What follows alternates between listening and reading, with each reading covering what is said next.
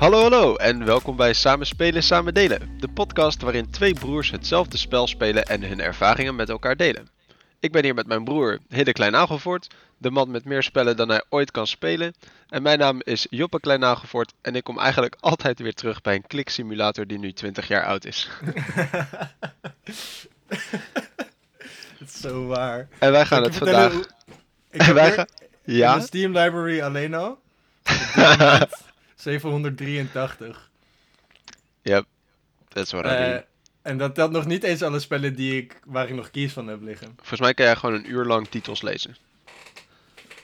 Daar gaan we ooit een keer een podcast aflevering van maken. Alright, maar wij gaan vandaag aflevering 2 doen over Assassin's Creed Valhalla. Het spel dat wij nu dus twee weken aan het spelen zijn. Dus, ik zit Broer. ondertussen op 32%. 32%. Ah, en ik dat heb is met 44 uur speeltijd. met 44? ja. ik eh, moet het er nog even bij pakken. Ik heb het niet paraat. Eh, ik heb nu... Hoeveel, hoeveel koninkrijken heb je... Alliance... Nice, dat is een woord. Mee, mee, mee een bondgenootschap meegesloten. Eh, ik ben met de tweede. Ik ben nu in Londen. Londen. Is Londen de tweede? Ah, eh, voor mij wel. Oh. Oh, ik, zit op, niet ik zit op 13% met 18 uur. Oké. Iets minder. Ben je al in Asgard geweest? Nee? Oké, kom wel, kom wel.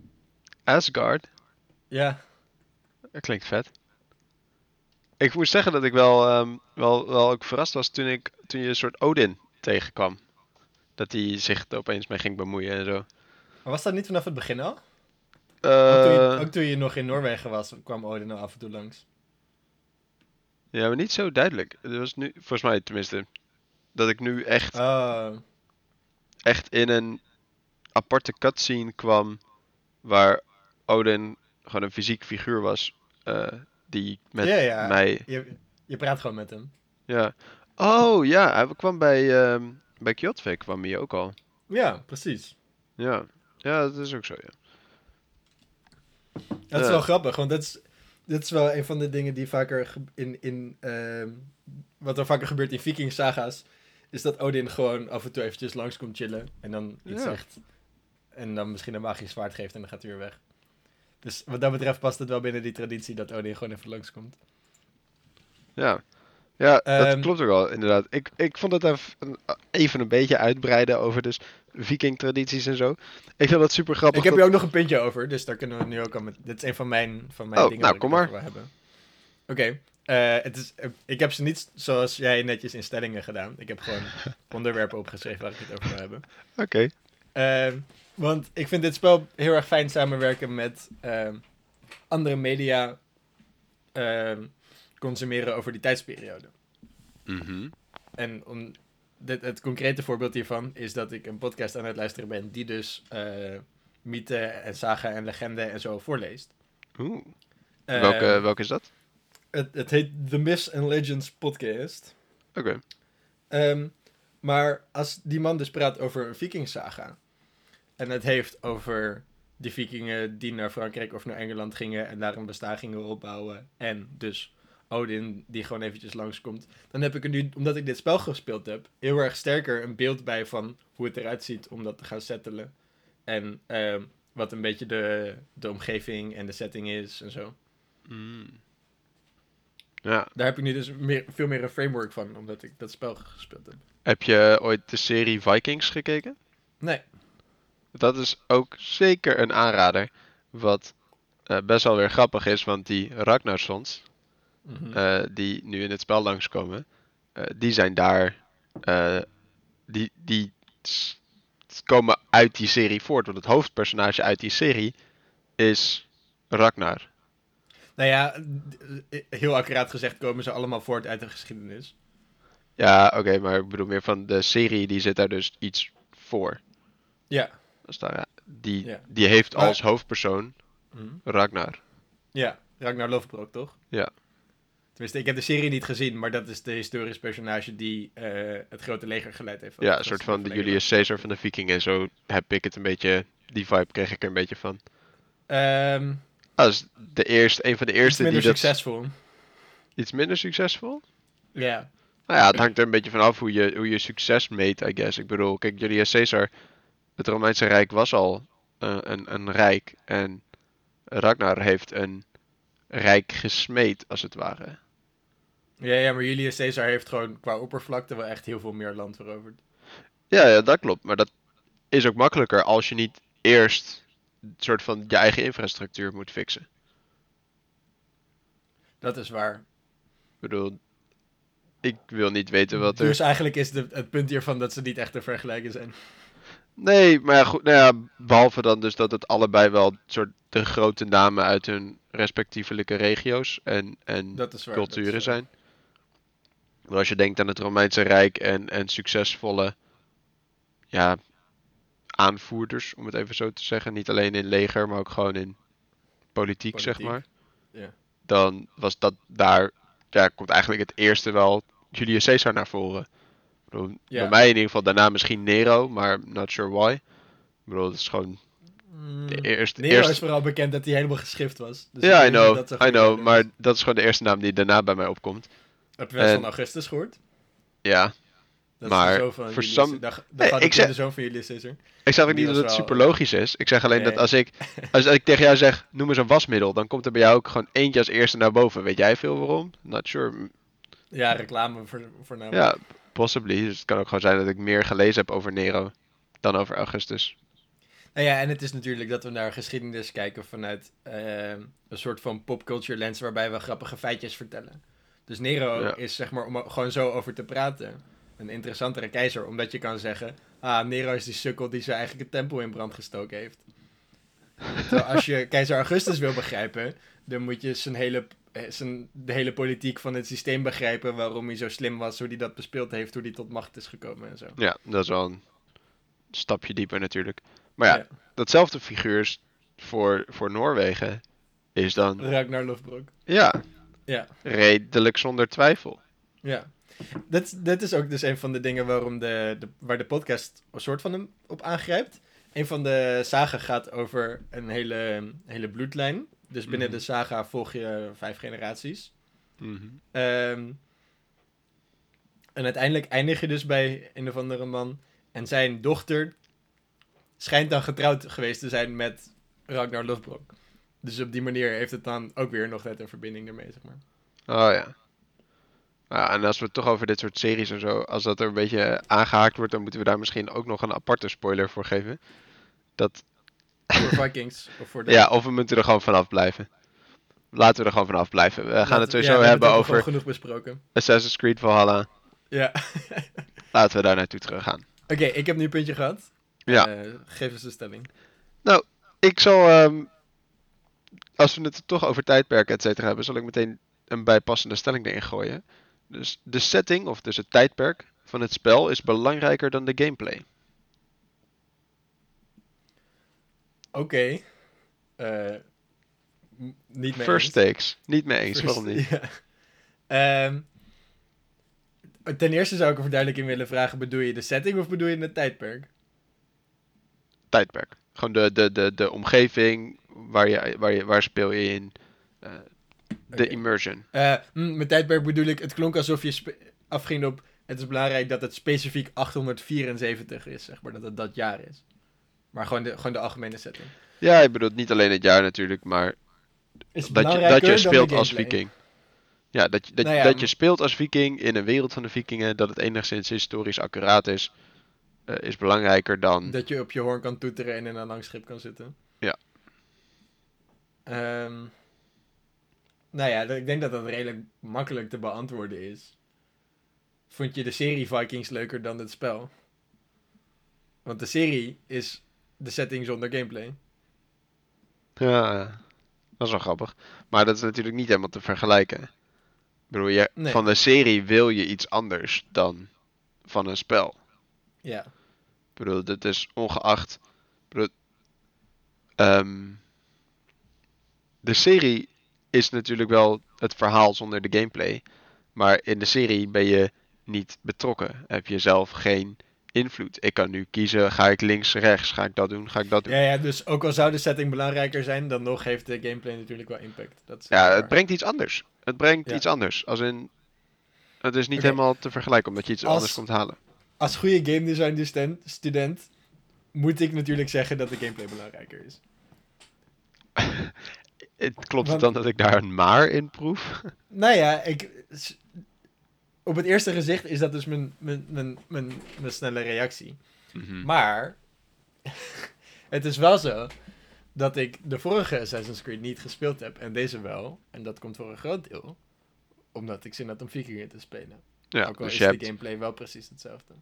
nou dat herken ik wel, want ik heb, oh, ik ben ook vooral naar deze toegetrokken omdat ik zoiets had van ja, ik wil wel in een soort wereld die ik ken van de Assassin's Creed lijn, Ja. wil ik wel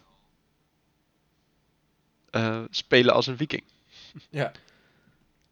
Dat had ik ook wel.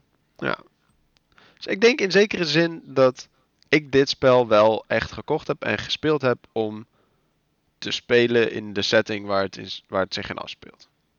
Dat als het Ja. eh, industrieel Frankrijk was geweest, dat ik misschien het wel interessant had gevonden, maar niet over de streep getrokken was of zo, om het toch te kopen. Nee. Terwijl nu wist ik eigenlijk wel bij de eerste trailer die ik van zag en dat ik dacht, oh, dit is een ding. Dat ik dacht, oké, ja, dit ga ik spelen.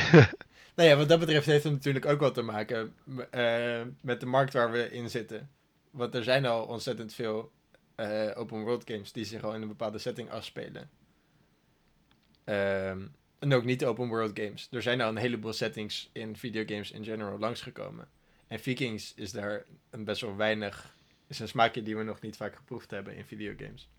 Dat weet jij beter dan ik. Ik bedoel, ik heb, zoals misschien ook al in de intro al naar voren kwam, niet, niet de meeste gameervaring. Als in, voor mij zijn er heel veel smaken nog niet geproefd. nou ja, maar je weet, je- ik heb je wel iets verteld en je hebt, volgt ook al een beetje nieuws. Heb je ooit eerder gehoord van een Vikingspel? Nee, ik, het eerste wat in me opkomt dat het dichtstbij komt is, is de meest recente, of is die God of War. Die Ja, zich wel afspeelt rondom Noorse mythologie. maar, dat is ook alleen maar de mythologie. Ja, en dat is ook echt wel meer fantasy, waar dit, Ja. waar Assassin's Creed nu wel meer, ja, ja, je speelt, je speelt wel een soort, een klein beetje, het is een soort semi-fantasy, semi, ja, vliegen, ja, je, je vliegt gewoon een beetje door de, door de geschiedenis heen, als het Nee, ja, ware. Er, er, zi- er, zijn, er zijn fantastische elementen, maar dat is ook logisch, omdat heel veel van wat we weten over eh, de Vikingen natuurlijk verteld is door de lens van mythe en le- legende. Oh ja, en het is ook volgens mij nooit een bedoeling geweest om een soort geschiedenissimulator te maken. Nee, precies, precies.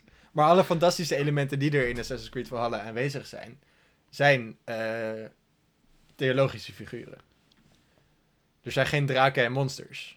Nou ja, en alle het hele, dingen de, is Odin die langskomt. en het hele Assassin's Creed en de Order of the Ancient Ones, eh, dat is, Ja, dat ook- is waar.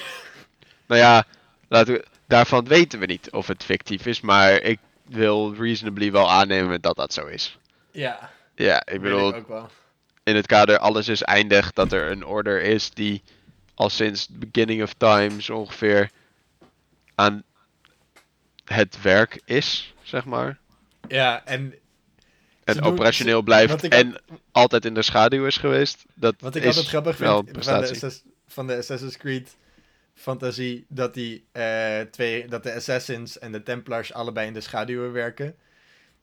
Dat, dat vind ik altijd heel grappig, omdat het onmogelijk is. Want ene- aan de ene kant binnen de spellen zelf zeggen ze werken in de schaduwen. En vervolgens binnen diezelfde spellen vertellen ze aan iedereen die ze tegenkomen dat ze een assassin zijn, zeg maar. Dus dat, ah, het, het lijkt me erg onwaarschijnlijk dat we daar heden ten dagen nog nooit achter gekomen zouden zijn. Maar Ja. het, is, het is natuurlijk wel al een langer bestaand idee. De Illuminati is natuurlijk ook is, is natuurlijk een andere instantie hiervan, maar voortgekomen vanuit hetzelfde idee dat er één, dat er één grote verzameling is die de hele wereld bestuurt. Nee, de Illuminati is een, heeft een hele andere oorsprong. Bij mij weten. Ik bedoel, ik zou ook niet claimen alle Het heeft kennis misschien een andere oorsprong, maar de invulling die het nu heeft. De vrijmetselarij is wat anders. Maar de Ja. Illuminati zoals die tegenwoordig afgebeeld wordt, heeft wel Ja, veel... zo- zoals het tegenwoordig afgebeeld wordt. Ja. Maar ook die is niet al duizenden jaren oud. Nee, nee, nee, maar het gaat er alleen om dat, dat zeg maar, of het nou Templars of Illuminati of oligarchen zijn. Mhm. Er is... Het, meerdere mensen zijn apart van elkaar met hetzelfde idee op de proppen gekomen dat er een geheime organisatie is. Oh, die- ja, ja. Maar over Dus het blijkbaar is, feit, blijkbaar is dat iets waar mensen graag over nadenken. Ja, maar over het feit of fictie-idee. Geen enkel imperium staat voor zo lang. Dus ik kan me niet voorstellen dat geheime imperiums anders zijn. Ja. Ik bedoel, Ja. mensen Nou ja, blijven dat- mensen, zienswijzen gaan op een gegeven moment toch Je conflicteren. komt, maar je komt hier op een. Op een, op een ehm, niet. Kijk, de Templars, als onder de naam Templar, is inderdaad niet waarschijnlijk dat die al zo lang bestaan.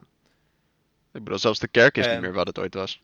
Nee, precies. Als je het toch hebt over een soort langlopend instituut. Ja. Ehm, maar tegelijkertijd is, zeg maar.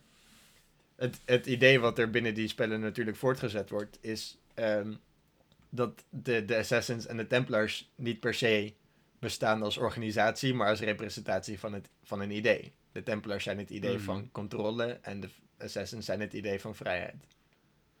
Eigen, eigen wil, vrije keuze, toch? Is er Ja, het, het idee. De ja de vrijheid. Assassins denken dat eh, de vrije keuze of vrije wil, dat dat ons gelukkiger maakt. En de Templars denken juist dat niet vrije wil, vrije keuze ons gelukkiger maakt. Of beter af. Nou ja, heel vaak, we krijgen binnen de spellen natuurlijk altijd het perspectief van de Assassins mee. Mhm.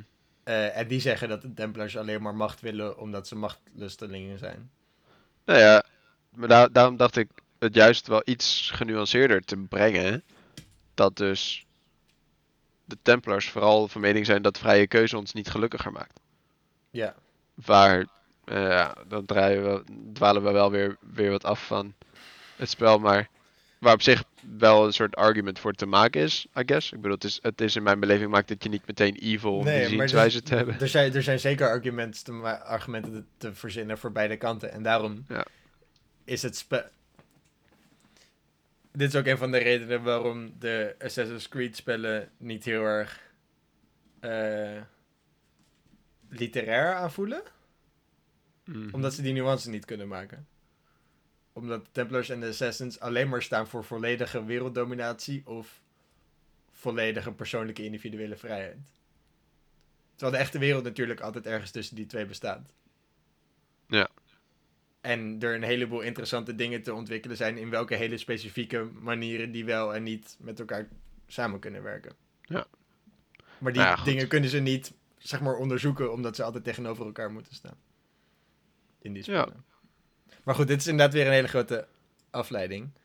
Ja. Eh, heb je genoeg antwoord op je eh, ja, ja, zeker, zeker. Oké. Het is, het is niet iets wat beantwoord hoeft te worden. Hè? Het, is, Nee, dat het, is, waar. het is een stelling. Ehm, vind jij Assassin's Creed Valhalla uniek? Nee. Nee, ja, we hadden het er net een klein beetje over. Dat het dus wel een smaak is die nog niet zoveel voorbij is gekomen. Ja, Maar toch niet Eh, uniek. nee. Wat maakt Ehm, het niet uniek dan? De, de smaak die je proeft is vooral smaakmaker. Er zit, Ah. er zit een kruid doorheen, wat ik nog niet eerder gehad heb, maar de rest is nog wel gewoon rijst, zeg maar. Oké, oké, helder. Helder. Ja, ik En, snap da- het en wel. dat bestaat voor een erg groot deel dus uit de gameplay. Ja, maar je komt dan toch ook op een gegeven moment bij het, het stukje van als je eh, dat hele Odysseus verhaal. eh, je vertrekt met een schip. Odysseus? Ja, je vertrekt Ja, met een schip. En Ja. on, op, onderweg op je route moet je af en toe dingen aan je schip veranderen of vervangen.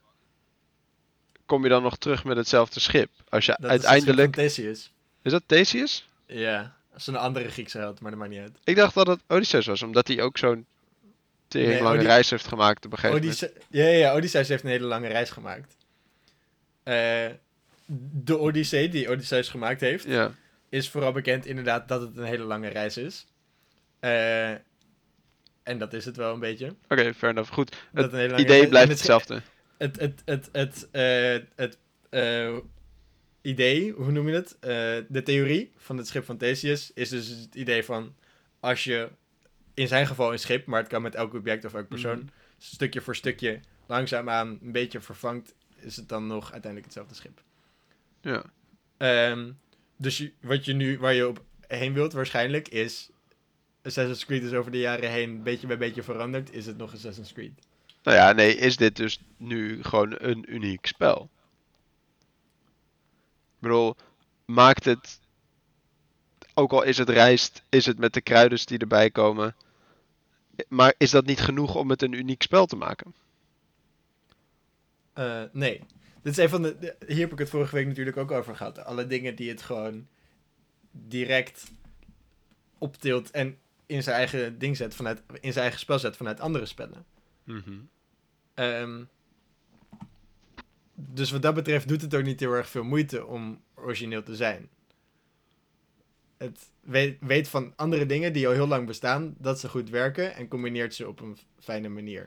Maar doet, neemt verder niet echt de moeite om heel erg te innoveren. Dus hoeveel procent moet iets nieuw zijn? Nou, voordat meer het nul. ook- Ja, maar dat eh, Valhalla is meer dan nul uniek. Meer dan nul nieuw.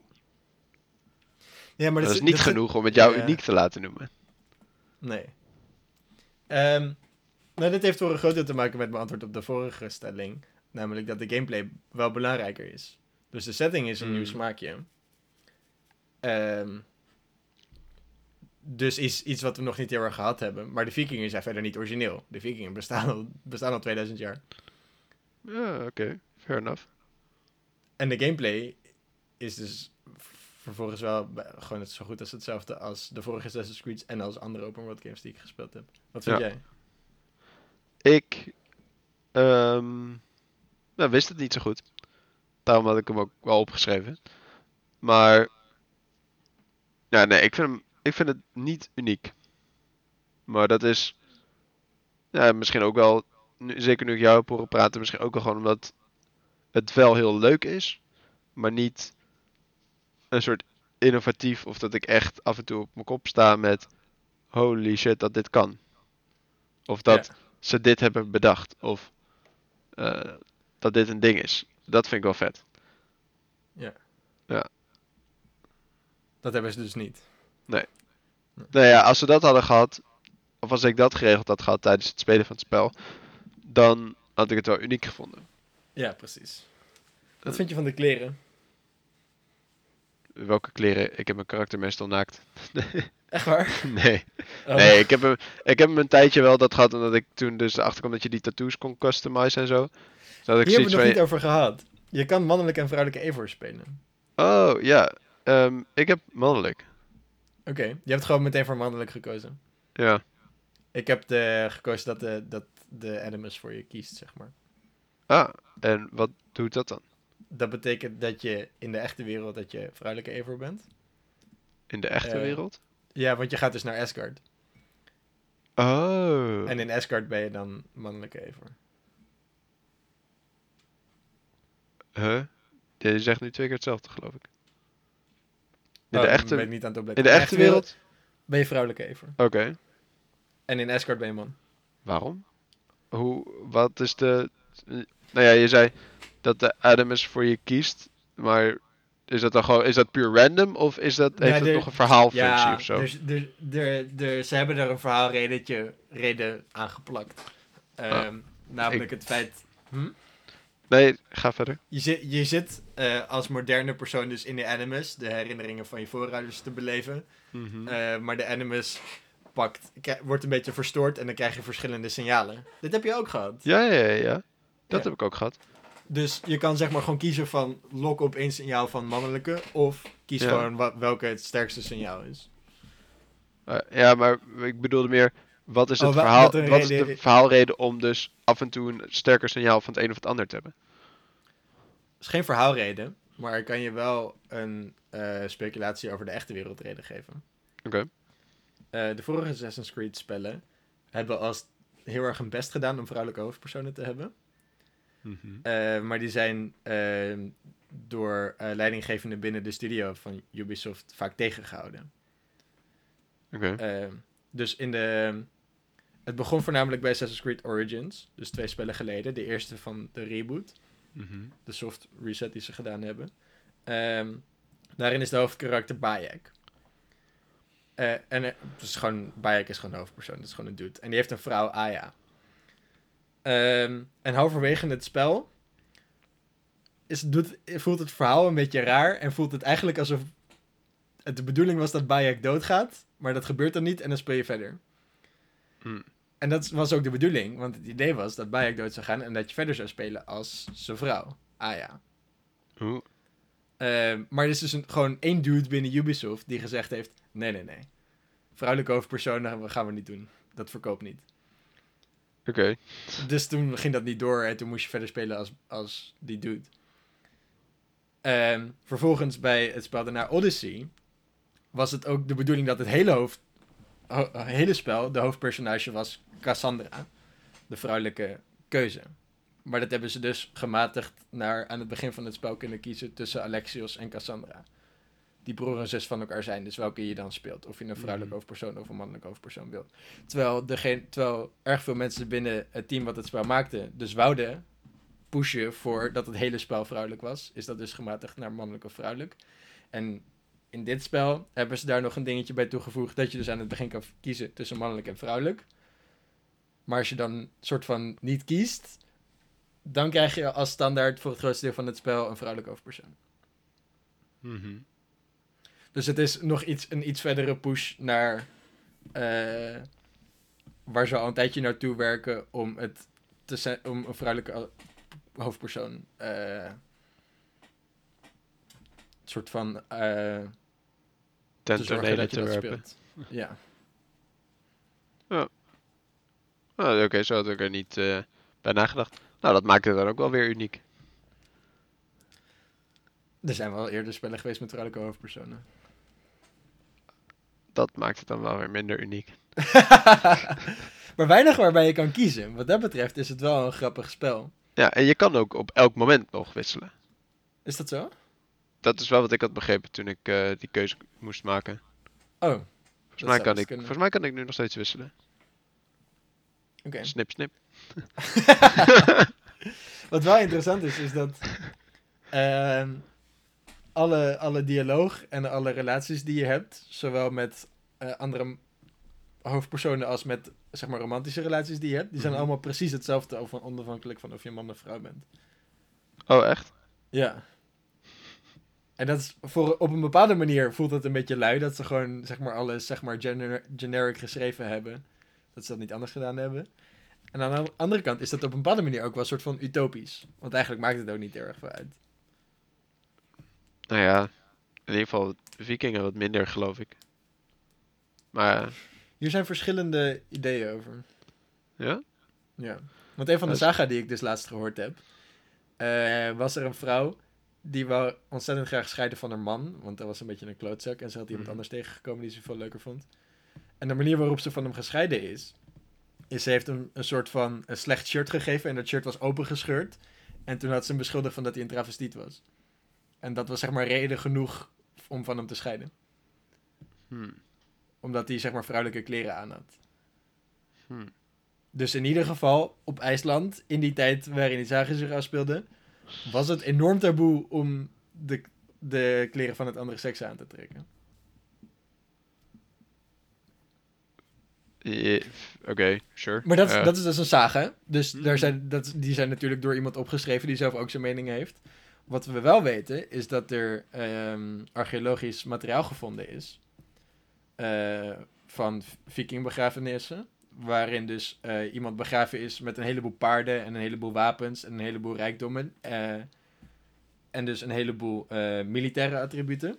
mhm. Die we dus tegenwoordig hebben kunnen identificeren als een vrouwelijk figuur. Dus er waren in ieder geval wel hooggeplaatste militaire leiders die vrouwen waren. Ja. Maar dat denk ik ook niet dat het per se. Ik ben daar eigenlijk niet heel erg verbaasd over, merk ik. Want, nou ja, wat ik denk te weten is dat. ehm, ik bedoel, vrouwen waren, gingen net zo goed ook mee oorlog voeren. Of, of, of raiden dus. Ik bedoel, het waren Ja. net zo goed krijgers. Daar zijn dus historici het dus nog niet helemaal over eens. Niet? Nee. Het laatste wat ik Ja. over gehoord heb, is dat er aan de ene kant historici zijn die zeggen, de meeste, de meeste vrouwelijke skeletten die we vinden, eh, hebben erg weinig ehm, verwondingen op zich. Ze kunnen aan de skeletten zien of, of, die, of, of die persoon verwondingen opgelopen heeft. Dus dat ze weinig in gevechten geweest zijn. Ja, of, waren, of waren het betere vechters? ja, ja, dat is natuurlijk ook een... Ja. Ehm, maar tegelijkertijd zijn er dus wel ook een heleboel materiaal, een heleboel bewijs voor het feit. Je kan aan de, aan de restanten kan je zien waar een persoon geweest is, waar die opgegroeid is, waar die gewoond heeft. Eh, en ze, daarin hebben ze dus wel gezien dat er enorm veel vrouwen geweest zijn, die dus heel Europa door geweest zijn wel. Die dus ook Mhm. gewoon net zo goed inderdaad meegingen naar, naar buitenlandse missies en niet alleen maar op de boerderij achterbleven. Nou goed. Anyway. Ehm, nog een interessante, vind ik, is dat Vikingen wel een vreemde keuze is voor een game die draait om stealth. Historisch Ja. gezien. Dat is zeker waar. Ik speel ook nooit stealth in dit spel.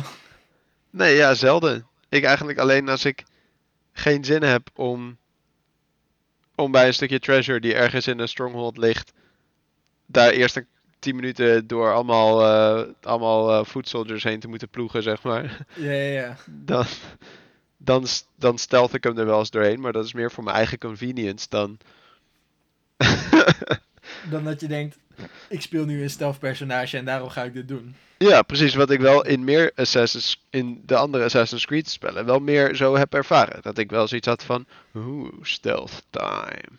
Ja, ja, ja. Ja, maar het helpt natuurlijk ook wel dat je gewoon een, een, een hoorn hebt waar je op kan blazen. En dat er dan nog een stuk of acht of zo raiders meekomen rennen. meekomen rennen. Ja. Die dat ook niet Dat per se ook. stealthy doen. Nee. Ehm, ik ben het hier, hierin met je eens. Ehm, en over het algemeen, elke keer als ik de neiging gevoeld heb om te stelven, Mhm. werkte het zo langzaam dat ik uiteindelijk gewoon alsnog dacht: Oké, toedoe. Ik heb een hele grote tweehandige bijl op mijn rug hangen en dan sprint ik naar iemand toe en dan klief ik zijn schedel in twee en dan ben ik er ook, zeg maar. Yup. Yup. Maar vind je dat dan dus een vreemde keuze? Want eigenlijk wel een soort van wel. Ja, het voelt, het voelt voor mij heel erg als een keuze die ze gemaakt hebben vanuit dit idee. Eh, zullen we een vikingspel maken? Oh ja, oh ja, oh ja. Oh ja, maar we zijn ook wel een Assassin's Creed spel, hè? Oh, nu moeten we dat, dat er eigenlijk ook wel in doen. Zoek, zoek- kijk eens even snel in je Uplay bij je statistieken hoeveel total assassinations je hebt. Ik heb er wel een paar. Ja, ik ben dan even benieuwd. Want je hebt, je hebt total kills staan en total assassinations. Als je bij statistics kijkt. Ja, ja, ik heb hem. Ik heb hier mijn, mijn statistics, maar ik kan hem nog even niet vinden. Oh, een stukje naar onder. Je hebt distance traveled, dat is wel Oh, een ja. hoog getal. Dan- Eh, ik hoef nog maar drie assassinations. En dan? Ik heb er nu, ik heb er nu 66. Ah, ik zit op 41. En hoeveel total kills? 1500. Ah, kijk. Dan denk ik dat ik percentueel gezien dus wel heel veel meer assassinations maak. Want ik zit op 515 total kills. Met dus 41 assassinations. Ja, precies. Ik heb drie keer zoveel kills, maar niet drie keer zoveel assassinations. Nee. Dat is wel erg grappig. Ja. Oh, en ik kwam wel- er- Mhm. Ik kwam er, want we hebben het hier eerder over gehad, over die zealots. Mhm. Ik kwam erachter dat... ehm, ik heb wel eens tegen jou gezegd dat ik dacht een zealot gekild te hebben. Ja. Ja, had ik niet. Het was gewoon een Vandal Standard Bearer. Het was een, het was een ander soort sterker karakter die ook op een paard zat. Ah ja. Ja, Dus, eh, het is mij nog niet gelukt. mij ook nog niet. Die ik zit zealots ondertussen zijn dus... wel- Welk, welk level zit je? Power level. Weet je, weet je dat nog? Oeh, De laatste keer dat je gespeeld hebt? eh 50 of zo. Ah ja. Oh wacht, dat kan je ook in statistics zien. De derde van boven. Oh ja, oh 47. Ah, dat is niet ver. Ik zat er niet ver naast. Nou ja, ik zit op 137. En het is mij ook nog niet Ja, gelukt. ja, je bent ook wel. Ik speel dus ook al wat langer. Maar Ehm, op 137 is het je nog niet gelukt? Nou ja, ik, heb wel laatste- gezien van power level 90 of zo. Ja, de meeste zijn ook level 90. Ik heb ook wel eentje op de helft gekregen met mijn power level 47. Maar ze zijn heel erg snel. Jij bent sneller. Dat is waar. Maar ik was gewoon niet heel erg goed in ze dood krijgen. Mm. Ik heb er wel eens een. Ik, ik, zeg maar sinds ik level zo hoog ben, 137, heb ik het nog niet geprobeerd. Maar ik heb er volgens mij wel eens Ah. eentje geprobeerd toen ik misschien ook level 90 was of zo. En toen is het me niet gelukt. Ik voelde me laatst een beetje played. Omdat ik ehm, een raid ging doen. Ja. Die iets van een suggested power level had van 60 of zo of 90. Ik, heb wel eens een, ik kan wel prima raids doen van 90. Duurt me iets langer dan misschien normaal. Maar ja, ja. kan zo completen. Ja. En daar kwam opeens een power level 180 zealot of zo aanzetten. ja. Die mij gewoon legit one-hitten. Ja. En ik ben inmiddels best prima in het dodgen van attacks. Maar, Ja, ja, maar je gaat wel een keer gehit worden, inderdaad. nou ja, en zelfs dat, hij gaf me echt praktisch geen reactietijd. Het was zo, het was zo frustrerend. Ik heb het echt een aantal keer geprobeerd nog. Ik Waar heb zelfs nog dat? geprobeerd hem te cheesen door... Oh, dat is eh, wat zei je? Dat is ook altijd leuk, inderdaad. Ja, ik heb, ik heb dus geprobeerd om hem naar een plein te lokken waar mijn eh, raiders waren. En vervolgens ben ik omhoog geklommen en heb ik zo'n soort, soort ballista-achtig eh, ding Oh, die ja. daar staat. Heb ik overgenomen. Maar ik weet niet of het gewoon bad luck was. En ik heb het niet tot in den treuren geprobeerd klaar te zetten. Maar hij bleef gewoon uit zicht lopen van mijn ballista. Zodra ik naar die ballista toe manoeuvreerde, ging hij zorgen dat hij niet in range was van die ballista. Hij ging gewoon dekking zoeken. Hij ging gewoon dekking zoeken. Wat een slimmerd. Dus ja, en ik zat er echt met frustratie naar te kijken. En op een gegeven moment ging je dus, want die ballista heeft een bepaalde draaihoek.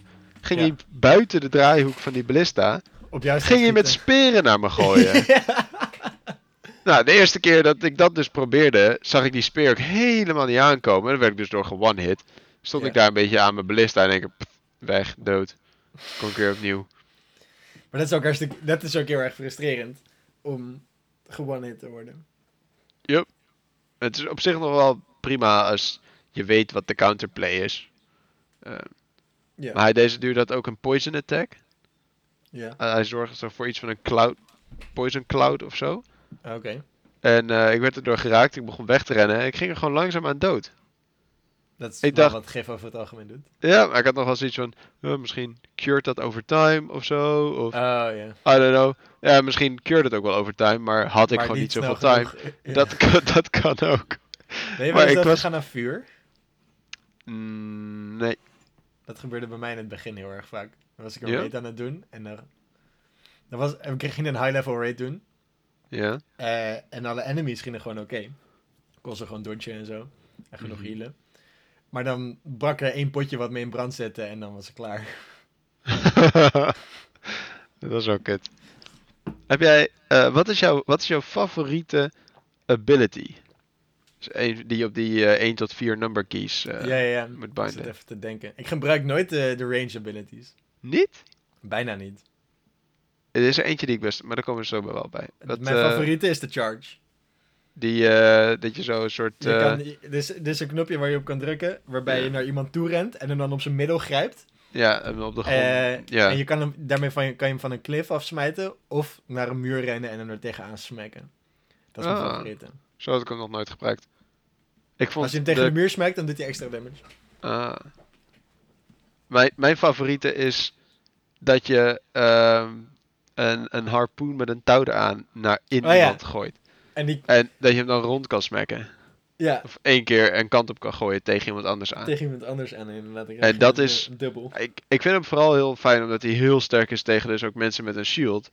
Waar je Ah ja. soms best wel, zeker sommige zealots, die dus ook een soort unbreakable shield lijken te hebben. ja, Gewoon ja. een metalen schild in plaats van hout.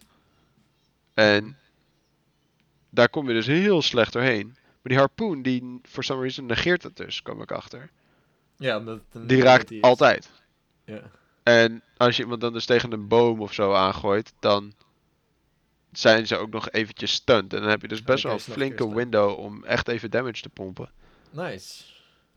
Dus Dat dat, ik dat een keer proberen. ik moet zeggen dat ik die dus wel heel chill vond. Maar de range ability die ik best wel veel gebruik is dat je op meerdere targets kan lokken. Ja. En dan op een gegeven moment dus gewoon een soort, ja, een soort arrow rain als het ware op ze gooit. Ik probeer die vaak, maar dan ben ik te langzaam en dan word ik beschoten voordat ik hem kan doen. Dan Oh, ben ik op iedereen aan het mikken om zeg maar eh, ze, ze mee te nemen in mijn schoten. Mhm. En dan voordat ik hem los kan laten, dan krijg ik al een steen naar mijn hoofd gesmeten en dan stopt hij weer. Oh, Dus ja, dat is onhandig. is me twee keer gebeurd en sindsdien heb ik hem niet echt meer gebruikt. Ja, ik kwam er dus bij die inner raid met die zei dat hij me one hitte. Mhm.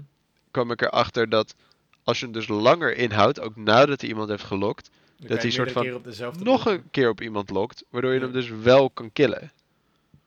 Dat vond ik echt. Nou, daarvan was ik eh onder de Wat een uitvinding. Ja. Weet je wat Ben ik wel je, vaak ben je al in Londen geweest of niet? Nee, Niet? nee. Je unlockt daar een sniper bow. Gewoon Oh. legit een sniper. Ja, ja, ja. Je zoomt ook heel de- anders. Er is een, er is een, er is een ability waarbij je uiteindelijk met die boog de pijl kan besturen terwijl die door de lucht vliegt. Ja, dat had ik ook gezien. Ja, je kan dus gewoon legit om een hoekje schieten. Ja, dit is toch wel een fantasy spel. Ja, best wel.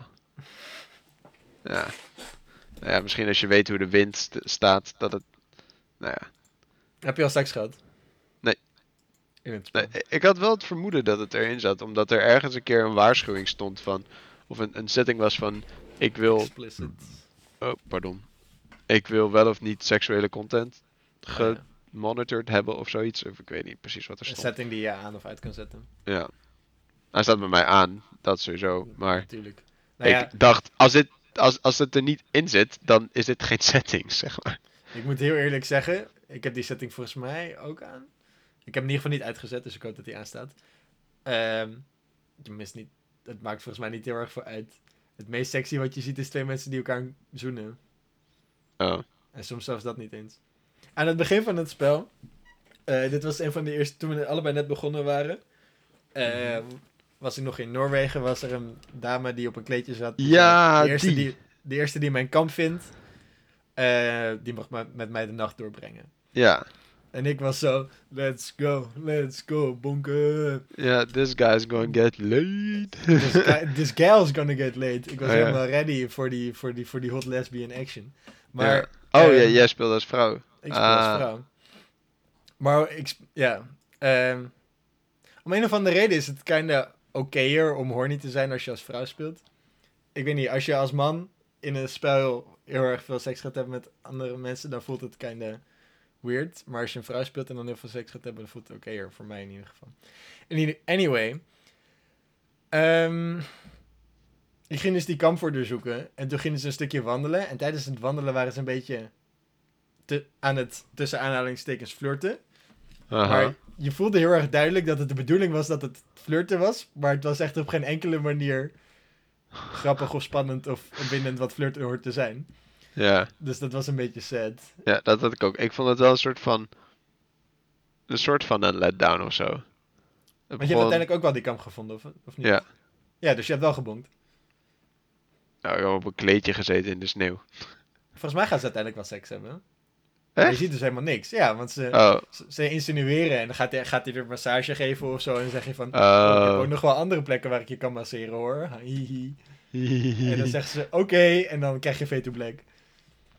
Eh, Dat was de seks. dat kan, het kan dat ik het niet zo goed geregistreerd heb. Eh, Gewe- gewetensvraag. Hoeveel puzzels, als het ware, heb je ge- moeten googlen? ehm, oh, hier moet ik even over nadenken. Volgens mij maar één. Ik heb, ook, ik heb er eentje ook. Maar vertel. Wat soms wel in de weg kan zitten. dat het spel gewoon soms bugt. Namelijk, ehm, je hebt, soms heb je een soort van eh, vierkant krat of kistbarrière ding waar een handvat aan zit. Wat je vast kan pakken en dan moet je dan aan de kant schrijven. En dat is dan de puzzel. Wauw, je moest een ding opzij schrijven. Heel vaak ehm, dan glitcht die gewoon en dan pak ik het vast en dan kan ik niet lopen. Dus dan Oh. moet ik, om de puzzel op te lossen, moet ik eh, gewoon het spel opnieuw opstarten. En dan kan ik hem opzij schrijven en dan doet hij het wel. Hmm. Ehm, maar het zou best kunnen dat ik zeg maar in zo'n situatie dacht van... Oh, ik moet nog iets anders slims doen voordat ik dit ding kan verschuiven. Wat niet het geval was, omdat het gewoon geglitcht was. Dus het zou wel kunnen dat ik zeg maar uiteindelijk drie heb opgezocht. Omdat ik er twee opgezocht heb omdat die geglitcht was.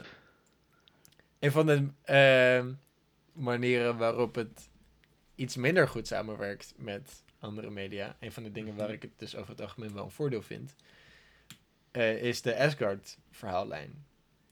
Mhm. Want je gaat dus naar Asgard en daar gebeurt gewoon wat shit. Dat ga ik voor jou nog niet allemaal vertellen. Maar Als paar- Eivor, of als dat meisje die in de animus zit. Als Eivor. Oh, ja. Eivor, omdat Eivor heeft over eerder visioenen gehad dat Odin met haar chillt. Mhm.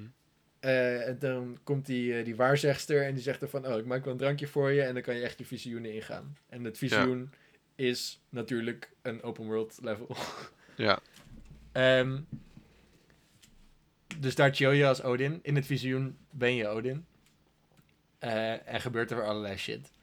Maar alle twists in het hele verhaal zijn allemaal te voorspellen als je zeg maar twee dingen weet over mythologie. Hmm. Dus ehm, de enige manier waarop dat verhaal sens maakt is als je letterlijk helemaal niks weet en ook helemaal nooit Google aanraakt, zeg maar.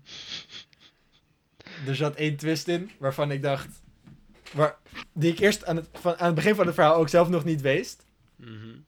Ehm, maar zeg maar, het karakter, die dat, waar dus uiteindelijk de twist mee voorkomt, die kwam dus zeg maar het verhaal in en ik googelde hem gewoon en ik wist al wat er ging gebeuren. Ah, ja. Dus dat was wel kind of wack. Maar ja. het is wel heel erg mooi daar. Dus ik zou er vooral heen gaan. Asgard. Ja.